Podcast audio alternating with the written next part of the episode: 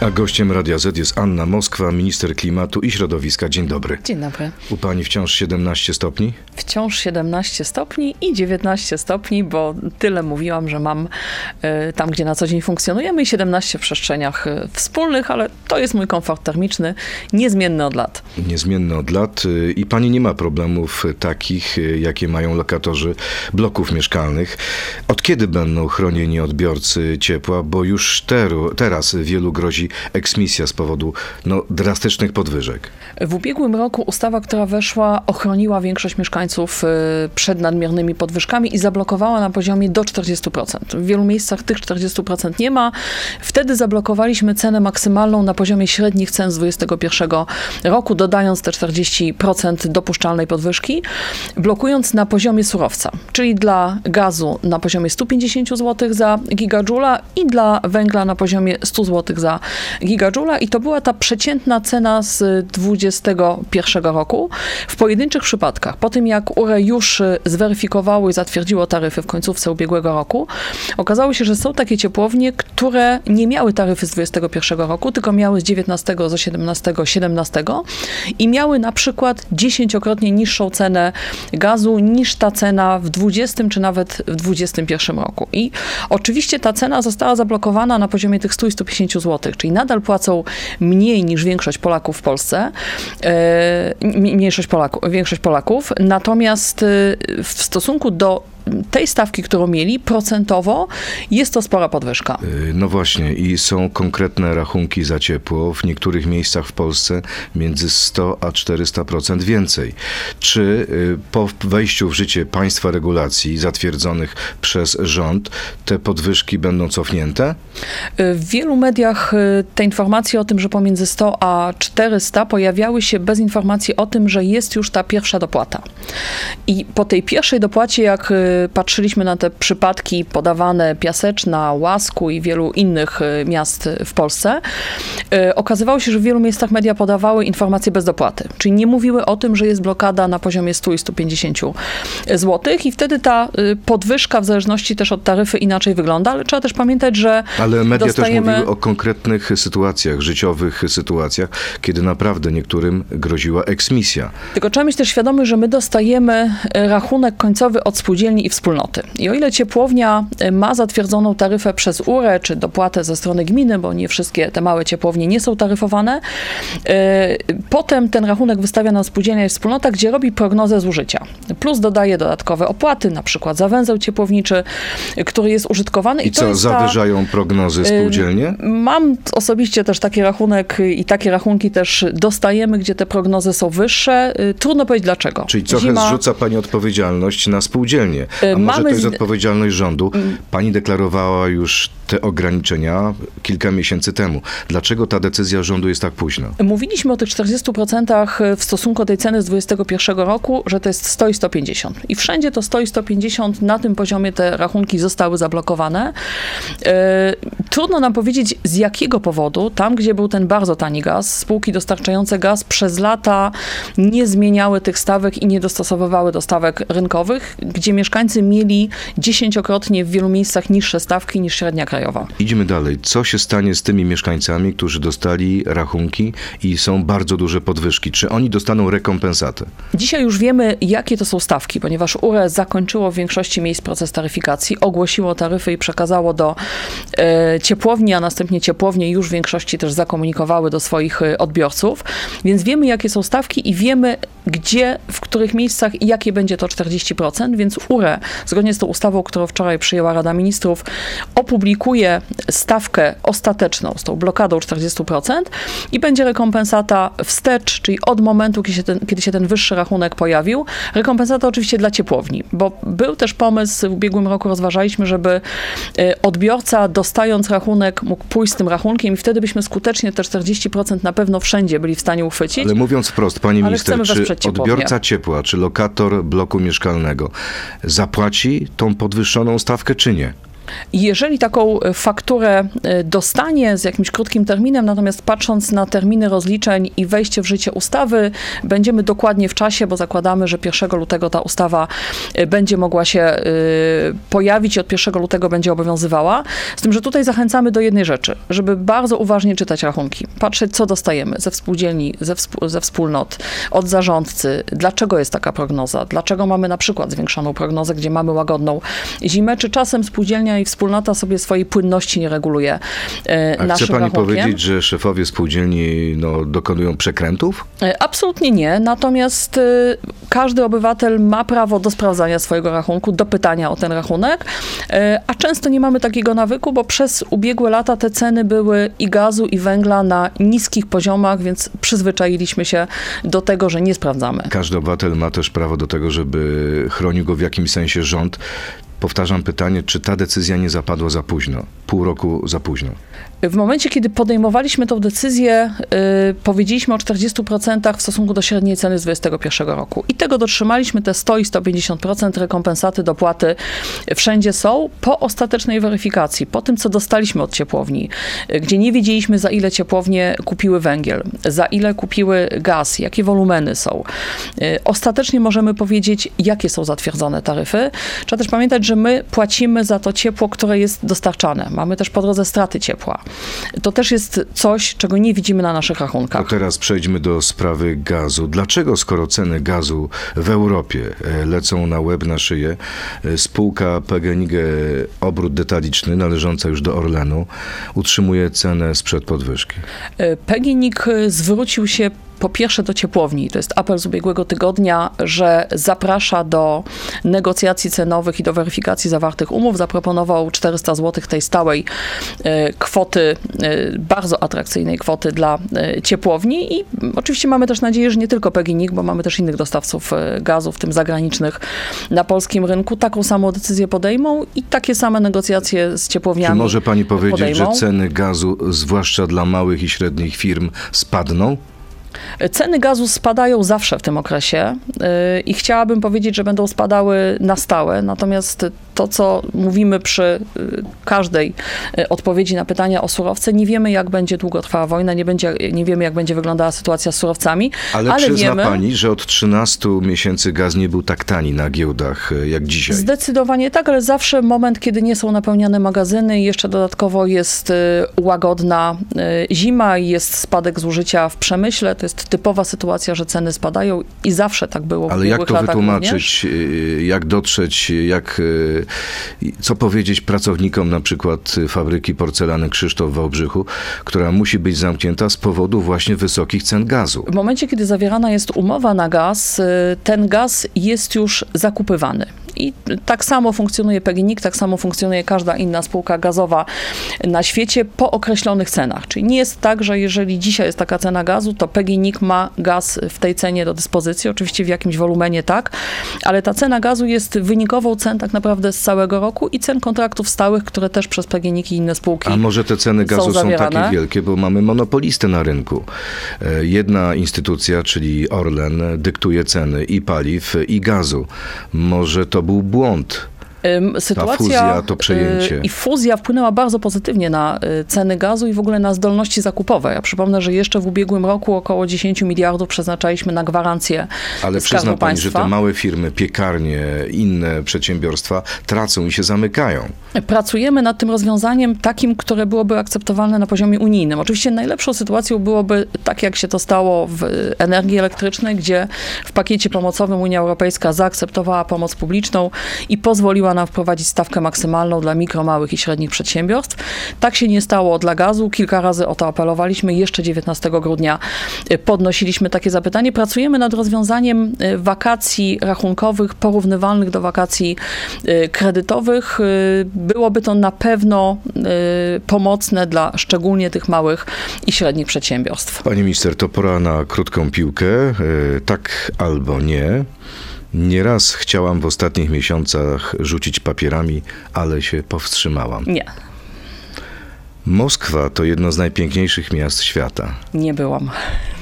Chwyciłam bakcyla polityki i dlatego wystartuję w wyborach do Sejmu z listy PiSu. Tak czy nie? Wybory są w październiku za wcześnie na takie pytania. Na razie jestem zajęta swoją bieżącą pracą, a wyzwań mamy dużo. Ale nie wyklucza pani. Za wcześnie na takie pytania. Zawsze było mi bliżej do Mateusza niż do Zbyszka, tak czy nie? Trudno powiedzieć w jakich kategoriach. Na pewno siedzę na Radzie Ministrów bliżej e, Zbyszka, bo siedzi po mojej lewej e, stronie, e, ale współpracuję zarówno z panem premierem, jak i z panem e, Zbigniewem Ziobrą. Mam jego dwóch reprezentantów w swoim resorcie. Tak jest, pan minister Ozdoba, pan minister Siarka. Ostatnie pytanie w krótkiej piłce. Jeśli wojna się nie skończy przed jesienią, PiS te wybory przegra, tak czy nie? Nie. Anna Moskwa, minister środowiska i klimatu, jest gościem Radia Z. Przechodzimy teraz do internetu. Zapraszam Państwa na Radio Z.pl, Facebooka i YouTube'a. To jest gość Radia Z. A skoro rozmawiamy i rozmawialiśmy o pani kolegach, jak pani się współpracuje z wiceministrami z Solidarnej Polski, My mamy wkładają ten kij w szprychy. Mamy bardzo dobry zespół i mm, jedna rzecz to jest przestrzeń medialna, druga rzecz to jest przestrzeń wewnętrzna współpracy. Jako kierownictwo, jako zespół bardzo dobrze współpracujemy, bo wyzwań u nas nie brakuje. Tak, bardzo dobre, że musiała pani zmienić kompetencje albo zaakceptować zmianę kompetencji Zmienić kompetencje, pana ministra Ozdoby. Y, Tak jak mówiłam, adwentowe miłosierdzie. Zresztą u nas te zmiany są częste. Niedawno pan minister Zyska y, otrzymał ponownie odnawialne źródła energii. Sporą część departamentów przesuwałam y, w trakcie y, czasu, kiedy jestem w ministerstwie pomiędzy ministrami. Żadna z tych decyzji nie była komentowana, tylko ta jedyna wzbudziła jakieś niepotrzebne kontrowersje. Co z ustawą wiatrakową? Jak zamierzacie ją przeprowadzić, skoro Solidarna Polska jest przeciw? E, Ustawa wiatrakowa jest już wpisana do porządku prac sejmowych, nawet ma nadany numer, zresztą nie tylko nasza, te alternatywne projekty e, również. Ja niezmiennie jestem w gotowości, żeby o tym e, rozmawiać, ale nie mam też wątpliwości e, co do Solidarnej Polski, że tam jakieś poparcie dla tej ustawy jest. E, Jakieś poparcie, to znaczy moi, jakie?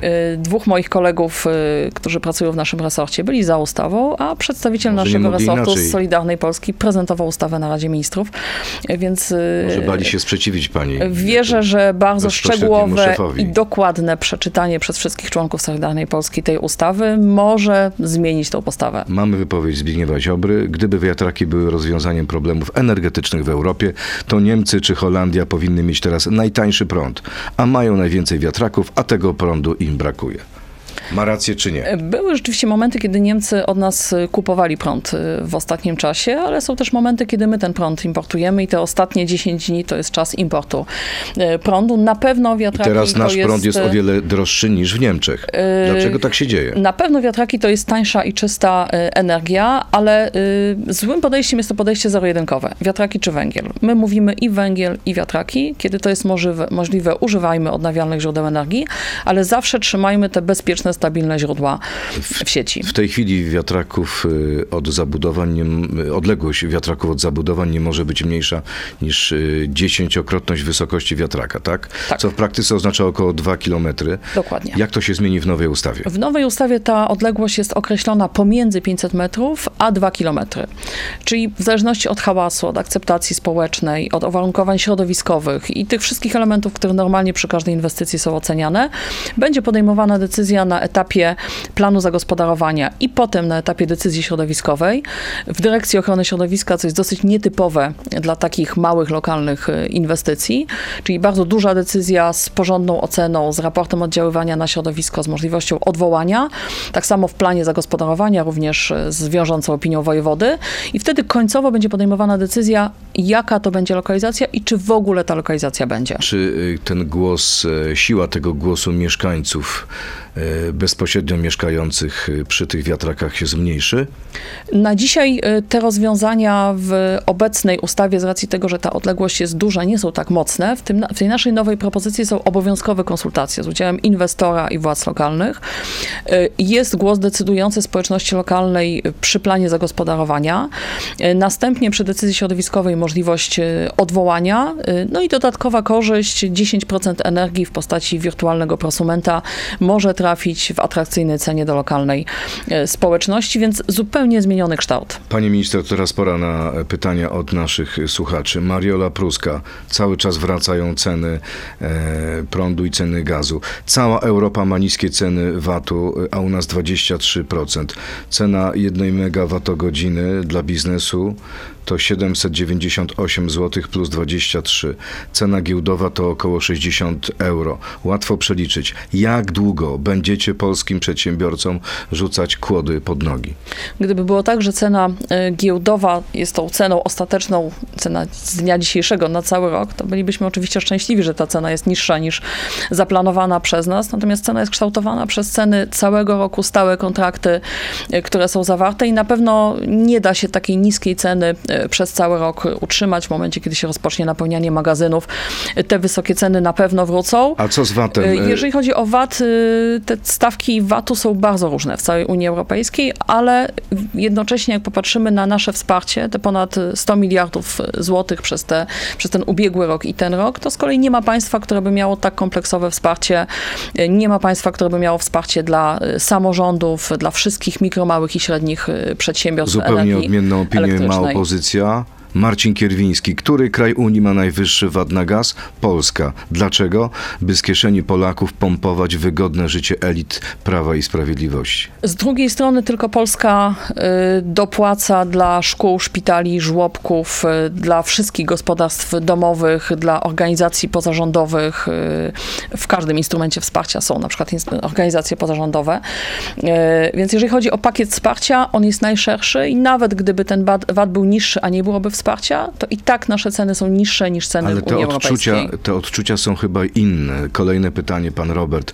Wraca do tego, czego zaczęliśmy. Jak to możliwe, że dopiero dzisiaj pracujecie nad projektem ustawy chroniącej odbiorców ciepła? Dlaczego znowu gasicie pożar, który już na dobre płonie, a wcześniej nie robiliście nic, żeby w ogóle go nie było?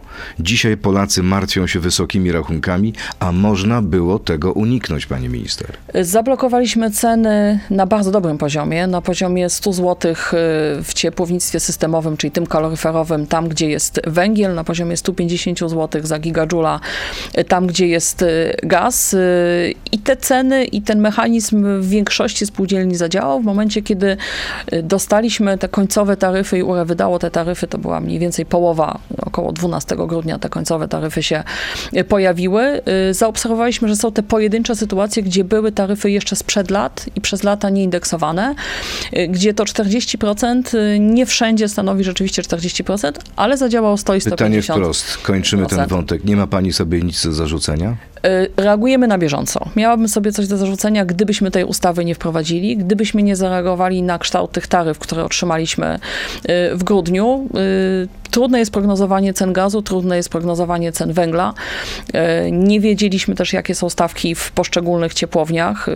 Po- Poszczególna ciepłownia to jest na przykład 9 kotłowni, 9 systemów ciepłowniczych i każdy inna taryfa.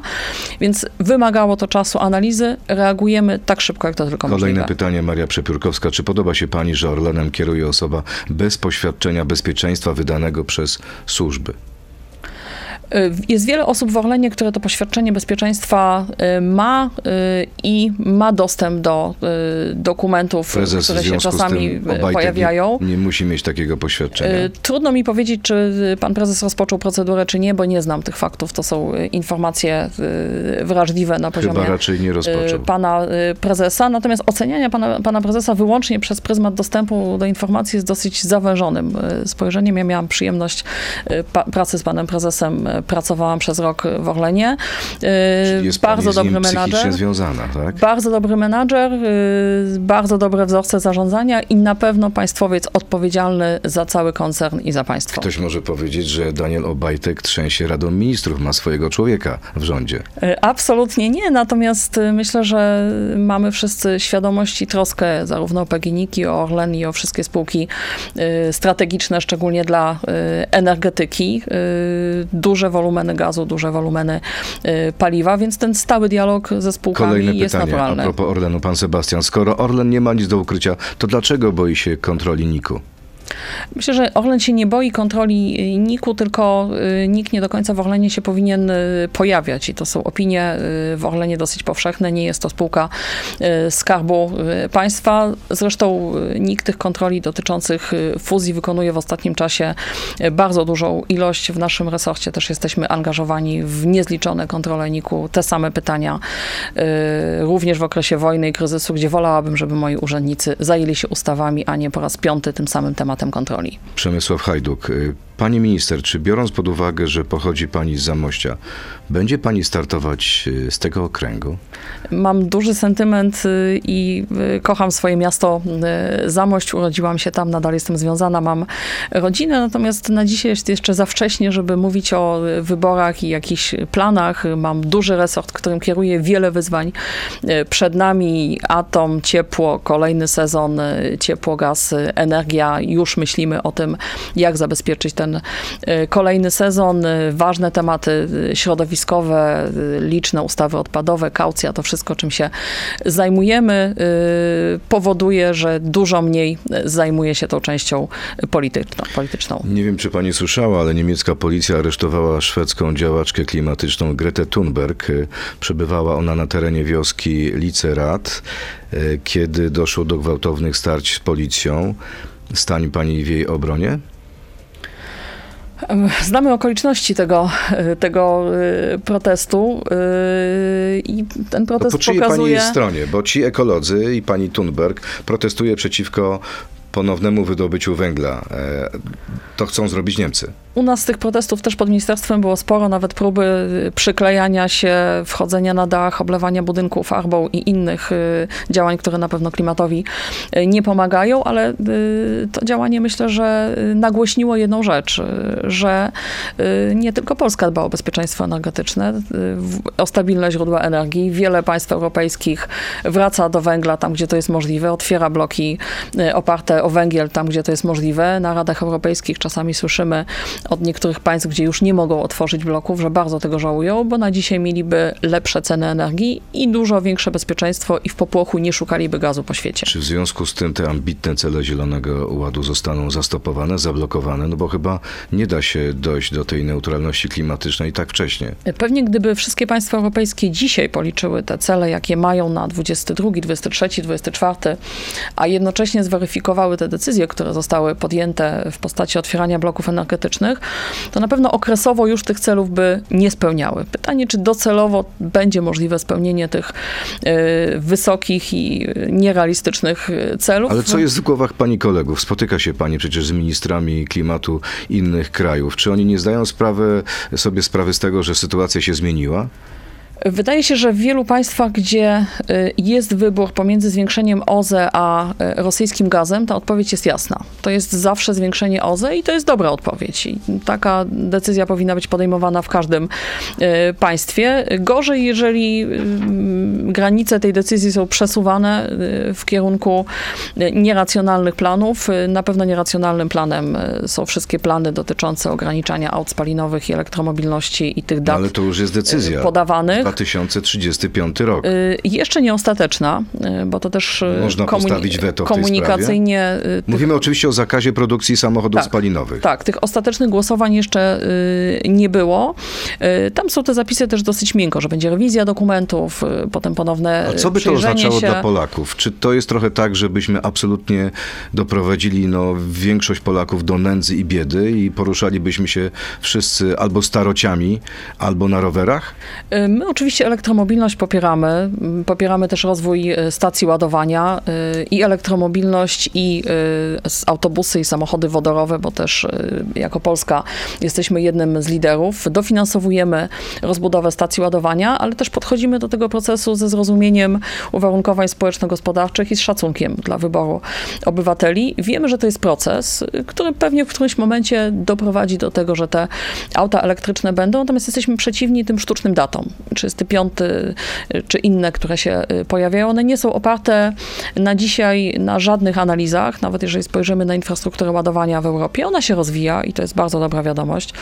W Polsce też i w ubiegłym roku ta ilość aut elektrycznych y, przyrosła dużo bardziej niż w roku 2021 czy w 2020 już te 60 tysięcy aut mamy, ale ciągle w każdym państwie europejskim to nie jest rozwój skokowy, tylko to jest normalny proces wchodzenia aut elektrycznych na rynek i tak do tego podchodzimy. Ale czy mamy gwarancję, że jeśli ten proces, ta szybkość tego procesu nie zostanie zastopowana, zablokowana, to w Polsce tylko najbogatszych ludzi będzie stać na elektryki? W wielu modelach y, państw y, i firm, które y, wchodzą w branżę aut elektrycznych, nie ma modelu własności, tylko model dzierżawy, najmu, leasingu czy innych form, które są oparte na okresowym użytkowaniu. I to też nie jest zły model. My jesteśmy Ale własność przywiązani. to podstawa wolności. My jesteśmy jako Polacy przywiązani do własności i dobrze. I z tej własności nie chcemy rezygnować. Stąd też między innymi ten nasz opór wobec tym przymusowym instrumentom. Yy, oczywiście promujemy y, transport publiczny, stąd też przywróciliśmy w wielu miejscach y, autobusy w spo- społecznościach lokalnych i będziemy y, to kontynuować. Y, Natomiast y, nie możemy Polakom y, zabronić i nie chcemy zabronić posiadania aut elektrycznych. To jest jedna z podstawowych wolności Nie chcecie zabronić, aut- a może będziecie musieli, bo się zgadzacie na wszystkie decyzje Unii Europejskiej. Wszędzie, jeżeli były głosowania, a było ich sporo przy y, autach y, spalinowych, wszelkich dodatkowych opłatach czy konieczności wycofania, byliśmy jako rząd przeciwko, zawsze głosowaliśmy przeciwko. Rzeczywiście po dyskusjach, gdzie było wiele kontrowersji, na ogół zostawaliśmy w mniejszości. Natomiast ja wierzę, że ten proces zweryfikuje rynek, bo ten 35 nie jest oparty na żadnych analizach, y, na tempie rozwoju elektromobilności Mówiąc w prosto, Europie. jest nie do zrobienia, pani zdaniem. To jest nie do zrobienia. E, To jeszcze jedna sprawa związana z tym. Jest takie badanie Uniwersytetu Leuven w Belgii, które pokazuje, że bez nowych inwestycji w kopalnie i rafinerie Unia pozostanie uzależniona od importu surowców, w tym litu, niklu i kobaltu, a także metali ziem rzadkich. Czyli wpadamy w inny problem, stawiając na pewne rozwiązanie. Y, Ta analiza też y, nie wspomina o y, atomie, bo myślę, że dużo większym grzechem Europy jest odchodzenie od atomu. Dobrze, że są państwa, które wracają do atomu. My wracamy. Plany są zbudowania trzech elektrowni, ale na przykład trzy kraje związkowe Niemiec sprzeciwiają się temu. Czy oni mają instrumenty, żeby nam zablokować tę budowę? Trzy kraje związkowe wysłały swoją opinię. Zresztą w tych dniach rozpoczyna się dialog transgraniczny, bo z każdym z tych państw y, będziemy rozmawiać. To są niewiążące opinie. Przy każdej decyzji środowiskowej, gdzie jest procedura transgraniczna, wpływają te opinie. Generalna Dyrekcja Ochrony Środowiska na te opinie odpowiada i potem decyduje, w jakim zakresie te opinie uwzględni y, w Mówiąc swojej wprost, decyzji, mamy je w nosie, czy nie? Musimy Y, się liczyć z Niemcami? Czytamy, ponieważ mówimy, rozmawiamy z państwami, które mają doświadczenie e, w energii atomowej, bo to nie zawsze jest tak, że te opinie są negatywne. One dzielą się też doświadczeniem, pokazują na e, różne uwarunkowania pani, rozwoju atomu. Budowa elektrowni atomowych w okolicach Bałtyku, czyli w Polsce, to jest ryzyko niebezpieczeństwo powtórki katastrofy e, z Japonii i z Czarnobyla. Nasza technologia jest zupełnie inną technologią, ale też przypomnę, że my żyliśmy y, w sąsiedztwie niemieckiego atomu przez lata. Nie protestowaliśmy, nic się złego nie działo. Y, Bezpieczna energia płynęła y, do niemieckiej sieci. Czasami w tym momencie, gdzie była bilansowana w Polsce, zdarzało się też, że Polska w bardzo niewielkim stopniu, ale y, korzystała, więc jest absolutną hipokryzją mówienie, że polska elektrownia szkodzi Niemcom, ale niemiecka elektrownia to Polakom już na pewno nie szkodziła. Niemcy to hipokryci? Y, Stawianie takiego stanowiska jest na pewno hipokryzją i jest też niedbaniem o bezpieczeństwo energetyczne i też suwerenność państwa. My mamy prawo do wyboru swojego miksu energetycznego. Jedna elektrownia atomowa będzie budowana przy, z udziałem Amerykanów, druga z udziałem Koreańczyków, ale i Amerykanie i Koreańczycy mają problemy sami ze sobą. Chodzi oczywiście o kwestię technologii, jaka jest wykorzystywana. Amerykanie zarzucają Koreańczykom, że pewne rzeczy no, e, ukradli, mówiąc w sposób kolokwialny. Czy to jakoś wpłynie na tempo budowy elektrowni w Polsce? Jest spór pomiędzy Amerykanami a Koreańczykami o prawa autorskie. Rzeczywiście Amerykanie tutaj sobie e, stawiają roszczenia e, stronie koreańskiej. E, My zostawiliśmy tą sprawę do rozstrzygnięcia pomiędzy Koreańczykami i Amerykanami. Nie jesteśmy w stanie ocenić istoty i zasadności tego sporu. I nie wycofamy się na przykład z współpracy z Koreańczykami. Absolutnie nie, ale są też takie sytuacje, że Amerykanie z Koreańczykami współpracują przy realizacji elektrowni. Wierzymy, że tutaj dojdzie do rozsądnego dialogu. E, Ten atom w Polsce będzie się rozwijał, jest miejsce i dla Korei, i dla Stanów. Może pani powiedzieć, że najgorsze, jeśli chodzi o zimę, jeśli chodzi o chłód, jeśli chodzi o temperaturę już za nami? Przetrwaliśmy? E, Będziemy mogli spokojnie powiedzieć, e, że przetrwaliśmy w kwietniu, w maju, kiedy już na pewno nie spadnie śnieg i temperatury będą na akceptowalnych poziomach. Będzie wczesna wiosna, e, a nawet pewnie bliżej lata, bo jak widzimy znowu prognoza suszowa e, na ten rok e, jest negatywna. Na pewno możemy powiedzieć, że jesteśmy usatysfakcjonowani tym, w jaki sposób przez te ostatnie miesiące e, I przeszliśmy. stał się też cud przez te wszystkie miesiące, tygodnie. Smog zniknął kompletnie z naszych głów. E, Rzeczywiście ten, Zapomnieliśmy ten, ten temat e, smogu e, jest gdzieś tam na drugim planie w przestrzeni publicznej, co nie znaczy, że nie jest przedmiotem naszej troski. Zmieniliśmy zasady czystego powietrza, zwiększone dofinansowanie do 135 000 tysięcy, inne progi dochodowe, większa dostępność, przyspieszona ścieżka. Można też zrobić tylko termomodernizację, jeżeli ktoś już skorzystał wcześniej z wymiany źródła ciepła, więc troszczymy się o czyste powietrze, szukamy nowych instrumentów rozwiązań. e, Współpracujemy też z gminami. Bardzo zachęcamy te gminy, które jeszcze nie przystąpiły do współpracy. Już zostało ich naprawdę niewiele. E, Ciągle te względy polityczne nie pozwalają im współpracować e, z pisowskim rządem i wesprzeć obywateli w tych transformacjach na rzecz To czystego są powietrza. świadome decyzje polityczne? To są zdecydowanie decyzje polityczne. Mamy nadzieję, że ten kryzys energetyczny i ten okres wojny skłoni do refleksji, do e, współpracy. Nikt na tej współpracy dotychczas nie stracił. Bardzo dziękuję. Anna Moskwa, minister klimatu i środowiska. Tak a propos, jakby pani dostała zaproszenie do Moskwy, to by pani pojechała? Zdecydowanie nie. Teraz. Ale mogę, może kiedyś, jak się władza zmieni. Myślę, że te negatywne odczucia i pamięć wojny pozostanie w nas na długo i Polakom będzie trudno pojechać do Rosji. Anna Moskwa, minister klimatu i środowiska. Bardzo pani dziękuję. Dziękuję bardzo. Miłego dnia. To był gość Radia Z. Słuchaj codziennie w Radio Z i na player radioz.pl.